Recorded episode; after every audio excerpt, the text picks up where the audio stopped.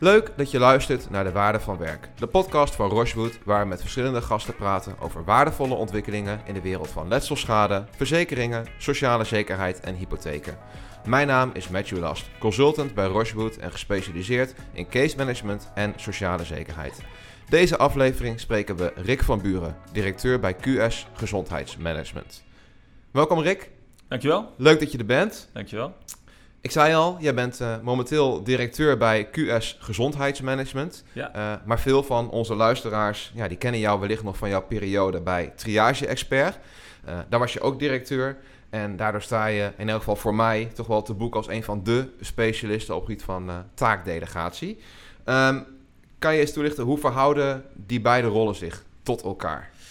Um, ja, dus wat je zegt, bij, bij beide heb ik de rol van uh, directeur. Bij, bij Triage Expert ben ik daar als het ware ingerold. Het bedrijfje was um, eigenlijk net opgericht door een aantal, laten zeggen, oude wijze heren uit, uit het veld. En ze zochten een jonge hond dat, um, die, die tanden erin wilde zetten. Dat werd ik. dus ik heb daar ontzettend veel geleerd. Uiteindelijk is het bedrijfje wat gegroeid, een klein teampje. En ben ik dus ook in die rol van directeur gegroeid. En uh, door de jaren heen hebben we ons echt op dat onderwerp van taakdelegatie gespecialiseerd. Uh, aan het begin waren we nog um, pioniers. Uh, was het nog een soort van nieuw. in de zoektocht naar andere businessmodellen dachten een aantal arbeidsdiensten daar wel iets interessants in te vinden. En gaandeweg die tien jaar dat ik dat gedaan heb, ontstond of werd eigenlijk het tekort aan bedrijfsartsen groter en groter. En ja, werd taakdelegatie ook normaler en normaler. Ontstonden er opleidingen, veranderde dat hele landschap eigenlijk. En bij QS, ehm, ja, behalve dan dat we ook een aantal psychologen nu in taakdelegatie hebben werken, is het domein heel anders, omdat we bij QS psychische interventies bieden, behandeling en diagnostiek. En dat, uh, dat verkopen we dan wel weer via arbodiensten en ook via werkgevers. Dus de doelgroep is nog steeds voor mij hetzelfde bij Triage Expert als, en, en, en bij QS. Uh, maar de materie is wel echt anders. Ja, nou, we gaan vandaag inzoomen op het onderwerp taakdelegatie. Ja. Je vertelde daar iets over, schaarste bedrijfsartsen. Mm -hmm. Maar even voor de mensen die niet bekend zijn met wat taakdelegatie is, ja. kan je eens kort toelichten wat houdt taakdelegatie in? Dus in de basis zegt het woord het al, taken worden gedelegeerd. Um, het idee is dat er uh, taken voorbehouden zijn aan bedrijfsartsen in dit geval. Um, nu zijn bedrijfsartsen big hè, die, die um, bedrijfsarts is een beschermde titel, uh, wordt beschermd in de wet BIG. En uh, op basis van de wet BIG zijn er voor veel beroepen uh, taken gedefinieerd die zijn voorbehouden aan BIG-geregistreerde professionals. bij bedrijfsartsen is dat dan niet zo. Um, en is het aan de beroep, beroepsvereniging geweest om de taken van de bedrijfsarts te definiëren. En vervolgens dan te bepalen wat daarvan wel en niet te delegeren taken zijn. Dus de NVAB heeft dat uh, opgesteld. Uh, staat niet als zodanig in de wet. Maar bedrijfsartsen mogen op basis van een paar artikelen in de wet BIG, 35 en 38, uh, taken delegeren onder bepaalde voorwaarden. En dat is verder door de NVAB uitgewerkt, zowel in ja, welke taken er wel niet gedelegeerd moeten worden, als hoe pas je die voorwaarden dan toe. Nou, in elk geval helder voor wie dat niet had, waarom je in mijn ogen de specialist bent. Als je zelfs artikelnummer kunt noemen, dan, uh, dan, dan, is dat heel duidelijk. Dat zit er nog goed in. Ja, ja nou, dat, dat, dat blijkt. Ja. Um, maar het idee van taakdelegatie dan, want ik snap, er zijn bepaalde taken voorbehouden aan de bedrijfsarts, maar taakdelegatie is dan taken worden gedelegeerd. Wat, wat betekent dat in de praktijk? Ja, in de, in de praktijk betekent dat dat een ander dan de bedrijfsarts die taak gaat uitvoeren, uh, maar nog wel steeds onder verantwoordelijkheid van de bedrijfsarts. Ja, dus de bedrijfsarts mag die taak uitvoeren als iemand daar bekwaam genoeg voor is, als hij toezicht houdt en als hij instructie geeft en als de werknemer goed geïnformeerd wordt. Um, en dan mis ik volgens mij nog één van de vijf voorwaarden. Um, hè, maar dus de, uh, als, als aan die voorwaarden voldaan wordt, dan mag iemand anders die taak uitvoeren. Uh, dus dat betekent wel een betrokkenheid altijd nog van de bedrijfsarts. Maar iemand die geen bedrijfsarts is, dat kan een case manager zijn, dat kan een arbo-verpleegkundige zijn, die mag dan dus bedrijfsgeneeskundige taken uitvoeren, wat op zich best bijzonder is. En mogen dat dan alle taken zijn die de bedrijfsarts heeft, of is daar nog weer een bepaalde selectie in? Nee, daar is zeker een, een bepaalde selectie in. Um, dus de, de NVAB die onderscheidt procestaken en de wat meer bedrijfsgeneeskundige inhoudelijke taken. Um, maar je moet denken aan bijvoorbeeld het, uh, het uitvragen van de arbeidsanamnese. of het uitvragen van een medische anamnese. Dus dat betekent het vraaggesprek tussen wat normaliter de bedrijfsarts zou doen, maar dan in dit geval de gedelegeerde en de werknemer, waarbij onderzocht wordt wat speelt er dan allemaal op medisch gebied. Nou, dat is dus een taak die gedelegeerd mag worden aan iemand die daar door de bedrijfsarts bekwaam toe wordt geacht. En onder de voorwaarden van dat er instructie wordt gegeven en dat er toezicht wordt gehouden ehm, door de bedrijfsarts. Ehm, dus dat kunnen taken zijn die uh, ja, klassiek ook echt gezien worden als iets dat de bedrijfsarts doet. En die dus andere mensen ook mogen doen. Ja, oké, helder. Uh, ik kan me voorstellen dat taakdelegatie dan heel veel goede kanten heeft en misschien ook wel minder goede kanten heeft. En daar uh, gaan we het met elkaar over hebben in onze rubriek Waardevol en Waardeloos.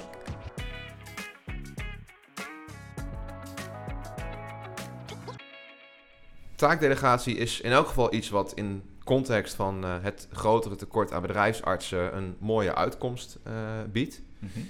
Wat zijn in jouw ogen de waardevolle aspecten van taakdelegatie? Ja, dus de, de, de meest directe waarde zit dan een beetje verborgen in het woord. Hè? Dus dat een taak gedelegeerd wordt aan een ander, betekent dat de bedrijfsarts hem niet zelf hoeft uit te voeren, maar de ander doet dat. Um, en je kunt dat, denk ik, op twee soorten manieren doen. Je kunt dat als het ware één op één proberen na te bootsen. Dus dan is de waarde niet anders dan um, het vervangen van de tijd van de bedrijfsarts door de tijd van een ander. Um, hè, bedrijfsarts doet een half uurtje gesprekje met iemand, arbeidsverpleegkundige doet een half uurtje gesprekje met iemand. En de uitkomst gaat uiteindelijk naar de bedrijfsarts toe. Um, en, en die gaat verder met de begeleiding. Maar je kunt het ook op een andere manier doen, waarbij je nadenkt over wat kunnen we anders doen nu taakdelegatie er dan is. dus je zou kunnen denken aan een aantal grootheden, zijn bijvoorbeeld tijd of plaats of deskundigheid. Uh, dus een gedelegeerde zou meer tijd kunnen besteden met de cliënt. In plaats van een half uur, een uur in gesprek. Mm -hmm. diepgaander in gesprek, vaker in gesprek. Um, je zou qua plaats zou je het anders kunnen organiseren. Dus een bedrijfsarts die met meerdere gedelegeerden werkt, die op locatie bij de werkgever zit. Um, uh, of verdeeld over het land, waardoor werknemers naar diegene toe kunnen komen. Uh, dus dat, dat kan um, natuurlijk een verandering zijn. Maar je kunt ook nadenken over deskundigheid die wordt toegevoegd door de gedelegeerde. Um, en de domeinen waar dan snel aan gedacht wordt is fysiek of mentale soort van medische deskundigheid mm -hmm. die de gedelegeerde mee inbrengt om uiteindelijk te zorgen dat de, de, de kwaliteit van de taak ook nog eens, hè, die gedelegeerd wordt, ook nog eens uiteindelijk hoger is dan wat de bedrijfsarts zelf zou kunnen doen. Dus uh, bijvoorbeeld, nou, als ik kijk naar jouw achtergrond, maar ook naar wat mijn vriendin doet, denk ik aan een, een fysiotherapeut die taakgedelegeerd werk doet en die misschien al gelijk wat meer kan vinden van nou ja, de omstandigheden waarin iemand zijn werk doet. Noem even iets. Ja, klopt. klopt. Ik ben inderdaad van oorsprong uh, fysiotherapeut. En, uh, maar ook bij QS hebben we dus psychologen werken. Uh, die bij ons getraind zijn in het doen van intakes. in goed inschatten wat is de, de aard, ernst van de problematiek. En wat is er nodig om iemand er weer bovenop te helpen. Maar die ook goed kunnen inschatten wat zijn arbeidsmogelijkheden. Um, en er zijn een aantal van onze psychologen die worden ingezet al heel vroeg in het verzuim voor het eerste spreekuur van de bedrijfsarts. Om eigenlijk de, de bedrijfsarts te voorzien van ja, de, de, de, medische anamnese, een stukje arbeidsanamnese, die dan gedelegeerd worden aan de psycholoog. Uh, en de visie van de psycholoog op mogelijkheden en beperkingen op dat moment. En de, het advies van de psycholoog voor een interventie. En daar kan de bedrijfsarts, um, laten we zeggen, zijn of haar eigen mening over uh, geven en uh, vervolgens het beleid uitzetten. Ja. Is het dan nog steeds taakdelegatie waar we het over hebben, of is het dan bijna al een eerste interventie die, uh, die je pleegt? Ja, dus um, de, we, we, doen een, een, gedeelte van hetzelfde werk ook in reguliere intakes, die onderdeel zijn dan van de interventie. Maar het verschil daartussen is dat we hier dus rechtstreeks in opdracht van de bedrijfsarts werken dan ook alleen maar adviseren aan de bedrijfsarts en niet aan de werknemer. Dus we delen ons advies ook nog niet met de werknemer. Um, en de bedrijfsarts dat verwerkt tot een eigen uh, advies. Dat dus ook wordt aangevuld met kennis van de werkgever, van, ja, laat maar zeggen, eerdere mensen die verzuimd hebben binnen die organisatie.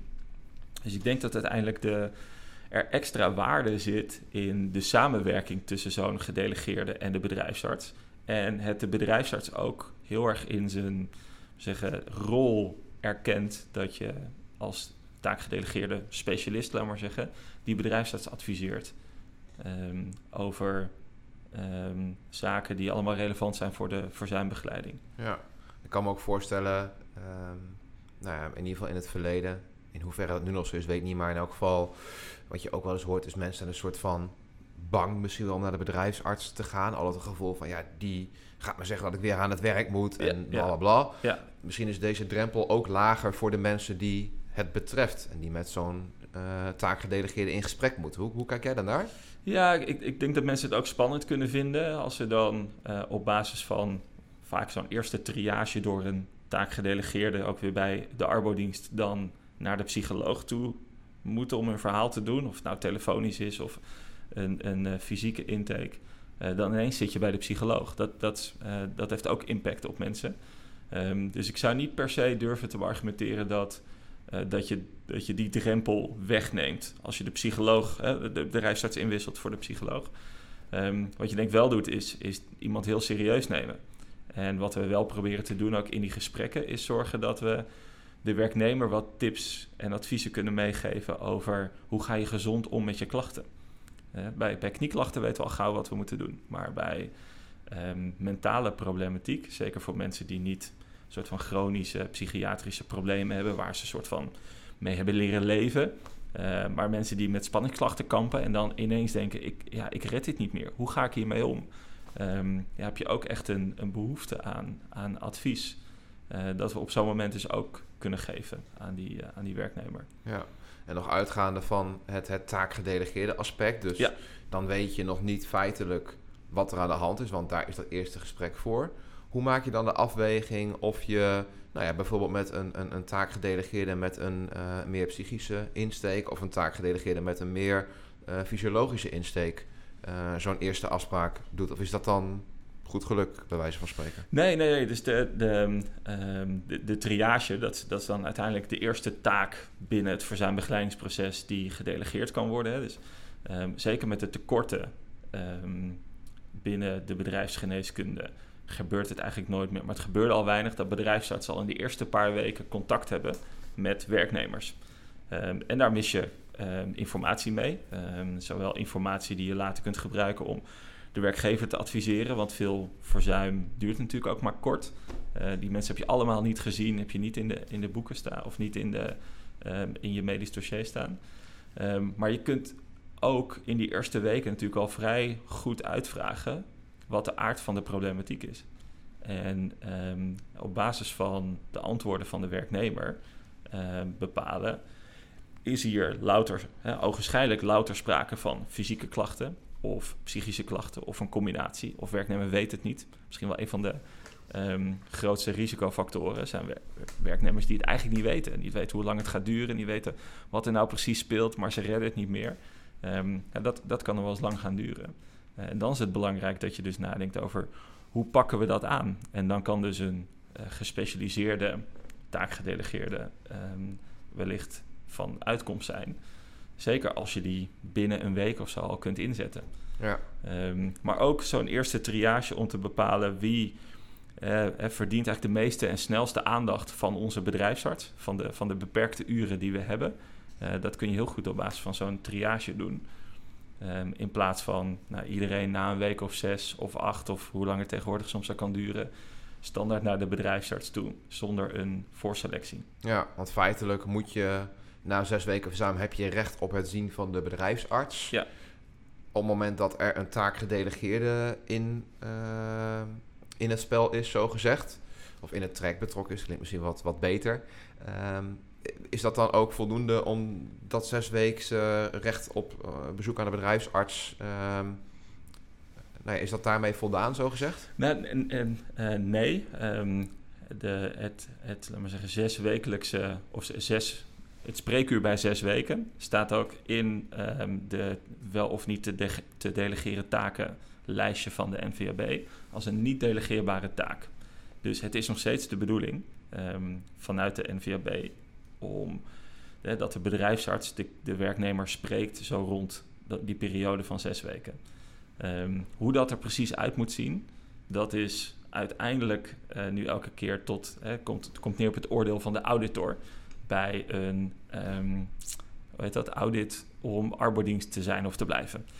Um, dus er zijn auditors die zijn er vrij streng op, die zeggen nee, maar er moet een fysiek consult plaatsvinden.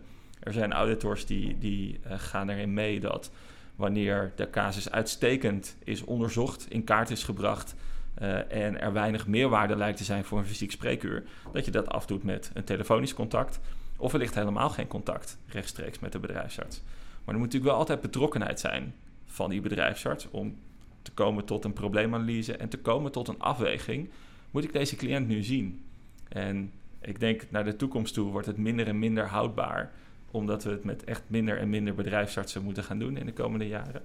Uh, dus verwacht ik dat dit ook nog wel verandert en dat de standpunten van uh, auditoren ook uh, ja, moeten, moeten gaan veranderen. Ja, dus samengevat, als ik je goed parafraseer, dan taakdelegatie zorgt ervoor dat er mogelijk al eerder in het traject een, een uh, anamnese kan plaatsvinden. Dus dat mhm. in kaart komt wat zijn de problemen waar iemand mogelijk ook al sneller geholpen kan worden, gericht op de problematiek die die persoon heeft. Het voegt mogelijk ook deskundigheid toe. Dus bijvoorbeeld de, de psycholoog die taak gedelegeerd nou ja, of zo'n anamnese doet, of misschien een, een, een eerste vervolggesprek daarna doet vanuit de taakdelegatie van de bedrijfsarts. Mm -hmm. um, en het uh, geeft ook ruimte voor de bedrijfsarts zelf om wanneer zijn expertise echt nodig is, daar dan de tijd voor te hebben in plaats van dat hij iedereen soort van verplicht maar moet zien. Ja, ja, exact, exact. Ja, en in de praktijk is er ook nog heel veel ruimte om het te organiseren op een manier waar je in gelooft als bedrijfsarts. Um, of zoals je graag wilt werken. Je ziet heel kleinschalig georganiseerde taakdelegatieconstructies. Eén bedrijfsarts met bijvoorbeeld één of twee arbo-verpleegkundigen. Maar je ziet ook veel meer grootschalige manieren van organisatie. Um, hè, en daar in, in de markt hoor je daar best wel veel gemopper ook over van mensen die dat, hè, die dat niet um, geen goede constructies vinden. En dan moet je denken aan een, een um, 15 of 20-tal case managers onder taakdelegatie van één bedrijfsarts. Um, en, um, maar maar de, de, vraag daarbij is eigenlijk: hoe, hoe heb je dat georganiseerd als bedrijfsarts? Um, en uh, hoe meten we dan uiteindelijk eigenlijk wat goede of niet goede constructies zijn? is dat op verzuimpercentage, op via-instroom? Is dat op loonsancties of uh, tuchtzaken. dat zijn natuurlijk allemaal wellicht relevante parameters om te kunnen bepalen of iets nu wel of niet goed lijkt te werken in de praktijk. En in mijn ervaring um, en ook studie wel van tuchtzaken bijvoorbeeld, kan ik niet overtuigend zeggen dat een constructie die kleinschalig is, nou, uiteindelijk veel beter of slechter lijkt te werken dan een constructie die grootschalig is. En bij beide zie je uh, misstanden voorkomen, dingen die niet goed gaan. Um, dus ik, ik denk dat we wat minder moeten praten over um, grootschalig, kleinschalig en meer moeten praten over de kwaliteit van het toepassen van de voorwaarden en de aandacht waarmee um, zeggen, taakdelegatie in de praktijk wordt georganiseerd. Ja. Nou, hiermee sla je ook een mooie brug naar nou ja, mijn omgekeerde vraag. Als je nou eens kritisch kijkt naar het fenomeen taakdelegatie, ja. Ja, wat is dan waardeloos daaraan? Of nou ja, wat gaat er in de praktijk bijvoorbeeld mis? Ja. Uh, neem ons daar eens in mee. Ja, dus um, um, ik, heb daar ervaring in vanuit verschillende hoeken. Uh, zowel bij um, Triage Expert organiseerden we, we, ontwikkelden daar tooling die arbodiensten, vooral arbodiensten, eigenlijk hielpen om taakdelegatie te implementeren. Dus daar kwam ik heel veel bij arbodiensten over de vloer en ervaarde hoe men daarmee omging. Um, maar ik heb de afgelopen tijd ook deelgenomen aan een commissie. Ik ben voorzitter, duo-voorzitter, samen met Dianne van der Putten bij Kwaliteit op Maat, een branchevereniging voor arbo-professionals. En samen met vertegenwoordiging van de OVAL, de NVAB, de ZFB en de FNV um, hebben we veel gesproken, uh, of wat vaker gesproken over dingen die niet goed gaan in taakdelegatie. Uh, en er zijn best wel dingen die inderdaad in de praktijk niet goed gaan. Uh, een van de voorbeelden, wat meer uit mijn eigen praktijk bij Triage Expert, is dat ik merkte dat vooral ervaren case managers via taakdelegatie hun oude manier van werken graag wilden voortzetten. Want privacywetgeving maakt het niet meer mogelijk dat zij met werknemer in gesprek gingen over mogelijkheden en beperkingen, FML-terminologie, afspraken over werkervatting maakten. Gebeurt nog steeds heel veel, maar volgens de letter van de beleidsregels van de autoriteit persoonsgegevens is dat eigenlijk een no-go voor iemand die in het verlengde van de werkgever werkt. En heb je daar dus taakdelegatie voor nodig. Uh, maar taakdelegatie um, ja, is, is, uiteindelijk dan georganiseerd onder verantwoordelijkheid van de bedrijfsarts. En is niet zo'n vrije rol als het case management vroeger was. Dus ineens moet je wel gaan conformeren aan ja, wat die bedrijfsarts comfortabel vindt. En die bedrijfsarts ook de ruimte geven voor toezicht en instructie. Uh, en dat botst nog wel eens met uh, de, de, laat maar zeggen, vrijgevochten case manager. Um, en dat zag ik ook nog wel echt misgaan. Um, hè, dat, dat, is gewoon een te vrije rol, uh, inname, zich ook soms als het ware niet misschien in woord, maar in, in daad wat meer voor gingen doen als bedrijfsarts. Uh, adviserend optreden. Um, en zonder dat ze daar de bekwaamheid voor in huis hadden. Um, dus dat is een voorbeeld van, van dingen die je, die je mis zag gaan. vanuit die commissie kwamen we vooral tegen, vanuit klachten bijvoorbeeld bij, die bij de FNV binnenkwamen, is dat werknemers slecht geïnformeerd worden soms over taakdelegatie. Um, maar ook dat mens, mensen zich voordoen als bedrijfsarts. Dat gebeurt. Ik vind het een, een, totaal bevreemdende situatie dat je dat in je hoofd haalt. Maar je ziet het zowel gebeuren bij uh, onzorgvuldig communicerende basisartsen. Uh, die zijn dan in ieder geval nog arts, die zichzelf als bedrijfsarts voordoen. Um, maar je ziet het dus ook gebeuren bij taakgedelegeerden. Um, maar ook het, het laat maar zeggen, overschrijden van de bekwaamheid. Zoals ik net zei, het gaan adviseren. Um, maar ook bedrijfsartsen die dus hun eigen rol niet goed genoeg invullen. En dus maandenlang niet betrokken zijn in een dossier. Zelf heb ik bij de arbodienst die we uh, bij Triage Expert hadden ook een keer een klacht ingediend. Omdat ik een taakgedelegeerde case manager sprak die uh, onze werknemer advies ging geven over werkervatting. Uh, wat ik vond botsen met wat voor mij over, overduidelijk zeg, niet paste bij zijn belastbaarheid. Dus ik schrok daar een beetje van. Mhm. En ik vroeg wie is de betrokken bedrijfsarts? En, en die was nog niet gematcht op dat dossier. Ik zeg maar, wie, wie delegeert jou de taak dan? Wie, wie houdt er dan toezicht op, deze, op het uitvoeren van deze taak? En dat was dan de stafarts, die dan op papier waarschijnlijk uh, betrokken was, maar dus niet in de praktijk. Uh, want ja, wie de bedrijfsarts was, kon ze in eerste instantie niet beantwoorden. ja, ik denk dat dat voorbeelden zijn van dingen die die niet goed gaan in de praktijk van, van taakdelegatie. En die dus ook afbreuk doen aan, aan de kwaliteit van de, van de verzuimbegeleiding. Maar ook aan hoe bedrijfsartsen worden gezien. Aan hoe arbeidingsverlening wordt gezien. Um, en, dat, en dat is niet oké.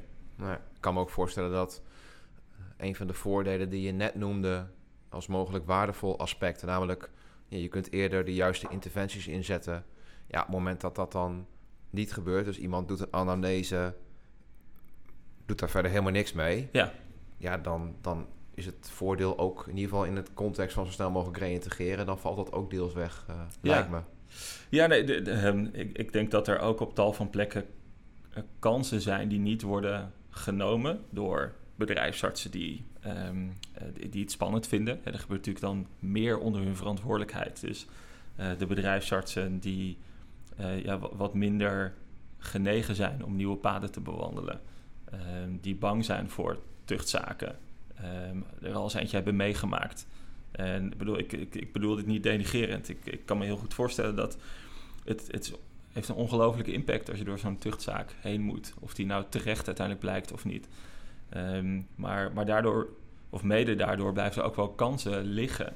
Um, waardoor um, werknemers sneller geholpen hadden kunnen worden in bepaalde situaties. En misschien wel goed om, om laat maar zeggen, die. Um, een van de redenen soms om niet in taakdelegatie te werken, zeker in het verleden, of om daar minder ver in te gaan, is dat tuchtrisico. Ehm, en ik ben er onlangs toch ook nog weer eens ingedoken. Ehm, van hoe zit dat dan eigenlijk? Hè? Zijn er inmiddels dan bedrijfsartsen echt op de vingers getikt, aangesproken op het, niet juist uitvoeren van taakdelegatie of door fouten, dat, dat is vaak de angst, die de gedelegeerde maakt. En interessant aan taakdelegatie is dat, nee, eigenlijk interessant aan het tuchtrecht is dat het persoonlijk is. dus het gaat echt om het handelen van de bedrijfsarts. Um, en dat men toetst of aan professionele standaarden is voldaan. Niet zozeer of de, de, de zorg beter had gekund. En Nivel heeft, uh, een onderzoeksinstituut, die heeft een rapport geschreven over taakdelegatie. En daar staat eigenlijk heel mooi in beschreven dat uiteindelijk het niet gaat om of de gedelegeerde fouten maakt, maar of de bedrijfsarts de constructie goed genoeg heeft georganiseerd. Hm. Waardoor die niet meer persoonlijk verwijtbaar kan zijn voor de fout die is gemaakt. En tot nu toe, um, ik weet niet of dat allemaal nog waar is wanneer deze podcast uitkomt, uh, maar heb ik nog geen tuchtzaak kunnen vinden waarin een bedrijfsarts dus op de vingers is getikt nee. voor die taakdelegatieconstructie.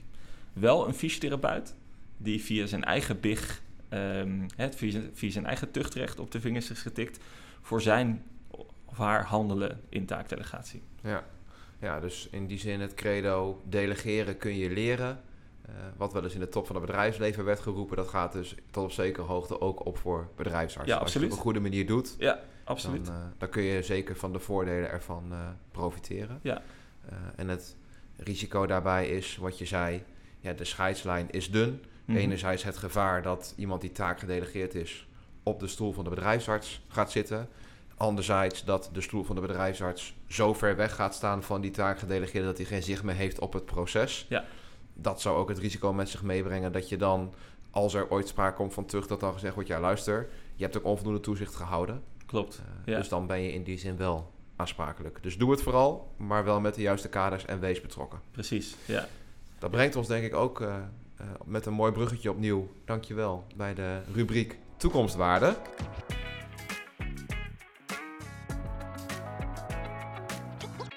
Daarin gaan we het namelijk hebben over ja, de ontwikkelingen die jij in je vakgebied ziet. Of die je misschien nog verwacht. Um, en dan wil ik eerst beginnen met iets wat ik zelf de afgelopen jaren gezien heb. Namelijk dat er steeds meer opleiders zijn ja. uh, die opleidingen organiseren. Die gericht zijn op de rol van taakgedelegeerden. Dus bijvoorbeeld een CS-opleiding dat echt de opleiding Case Manager Taakdelegatie uh, invoert en aanbiedt.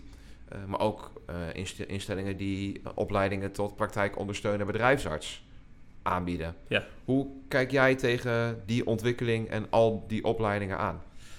Ja, dus, ik denk dat het heel goed is. Hè. Er zijn een stuk of vijf, zes inmiddels. Um, ik denk, denk, dat het heel goed is dat um, die opleiders het vak van case management, case management in taakdelegatie, uh, PLB, um, echt op de kaart zetten door er professionele opleidingen aan te koppelen. Um, ik denk dat het mee heeft geholpen aan de zeggen, emancipatie van het onderwerp taakdelegatie en aan de acceptatie ervan. En um, ik, ik, denk, ik ben nog steeds van overtuigd dat het niet een must is om zo'n opleiding te volgen om in taakdelegatie te kunnen werken. maar wel dat het heel erg helpt om uh, bij de gedelegeerde voldoende uh, bekend te krijgen um, hoe de constructie zowel wettelijk in elkaar zit, als ook hoe ben je een prettig iemand om mee samen te werken. Hoe kun je van waarde zijn, ook voor die collega bedrijfsarts. Um, en welke gesprekstechnieken kun je allemaal toepassen om uiteindelijk zeggen, die, die, die, onderwerpen ook waar je minder in thuis bent, zoals een medische anamnese, um, ja, voldoende uit te kunnen vragen. Ik denk dat dat absoluut waardevol is. Ja, je zegt het is voor jou niet een voorwaarde om ja. in taakdelegatie te kunnen werken. Waarom niet?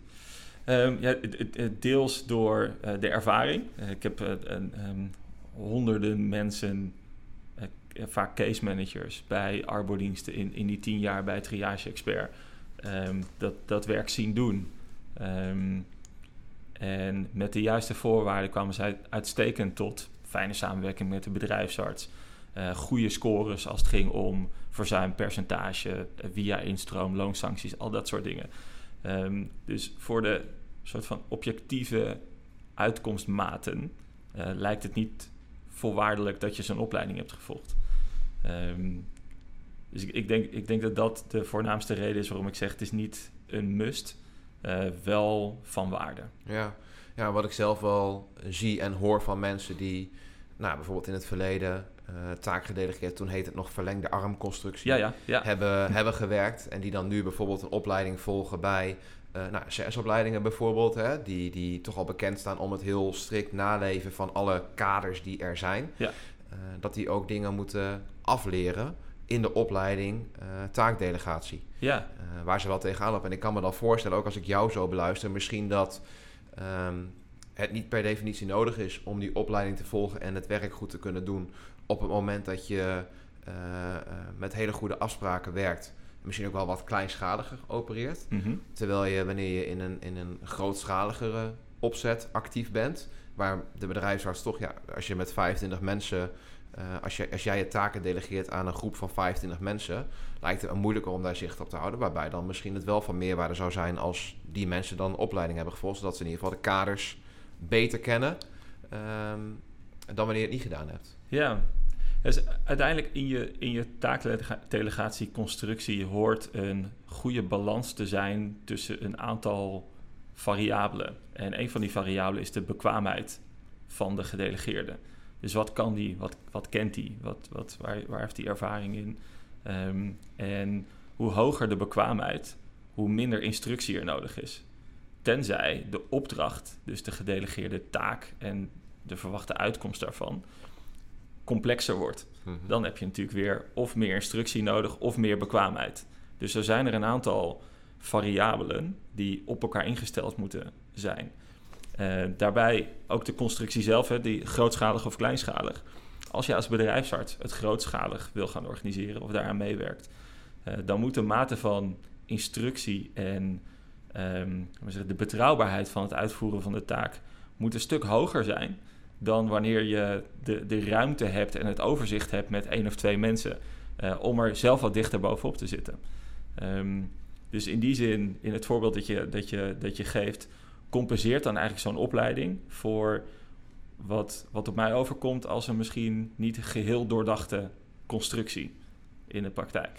Ja, kan je dan je ook voorstellen, wat nu zo in opkomt, dat in de opleiding tot bedrijfsarts het element taakdelegatie nu meer terug gaat komen? Want ik kan me voorstellen dat voor toekomstige bedrijfsartsen het niet alleen iets relevants is, maar misschien ook wel iets is wat zij interessant vinden. Omdat hun werk, nou ja, de complexiteit wordt waarschijnlijk groter, omdat je casussen gaat zien die je echt moet zien. Ja, nee, maar het gebeurt al, al best wel lang. Um, ik kan me herinneren dat ik misschien al wel weer tien jaar geleden al een keer bij de SGBO ben geweest. Samen met toen uh, Frans van der Nieuwhof, uh, een van de mede-eigenaren van Triage Expert. Uh, en dat uiteindelijk is volgens mij Frans uh, onderdeel geworden van de opleiding om aan, aanstormend uh, bedrijfsartstalent te leren over taakdelegatie. Dus vol, volgens mij is bij NSPOH en SGBO echt een standaard onderdeel um, om zowel te leren over de, de constructie als ook hoe, hoe, hoe doe je dat dan in de praktijk. Ja. Um, ja, ik, de, ik, denk dat bij triage experts zijn we heel erg op die, um, ja, op die balans van die verschillende onderdelen binnen de constructie gaan zitten. Om elke keer met klanten te kijken naar maar hoe moet je het dan hier gaan organiseren? Wat voor, ja, wat voor bekwaamheid loopt hier rond hè, op de werkvloer waar, waar, je, waar je mee in taakdelegatie wilt gaan werken? En wat vraagt dat dan? Uh, en bijvoorbeeld de tooling die wij maakten, um, maakte het makkelijker mogelijk om een grootschalige constructie aan te gaan. Omdat die tooling, vragenmodellen met daarachter als dit dan dat. Hè? Dus als het antwoord van de werknemer dit, dit en dit is, dan moet je naar de bedrijfsarts toe. Uh, dat geeft dan zo gedetailleerde instructie mee. Um, en sorteert voor op de momenten dat de bedrijfsarts betrokken raakt.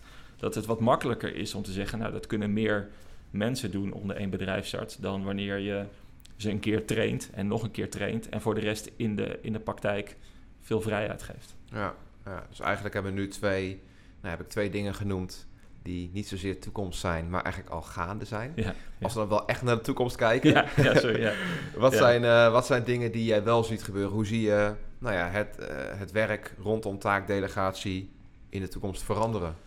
Nou, we, we, we stevenen af op um, volgens mij het kwijtraken door pensionering van uh, zo'n derde tot de helft van de bedrijfsartsen. Ehm, dus zijn er dan nog voldoende bedrijfsartsen die taken kunnen delegeren?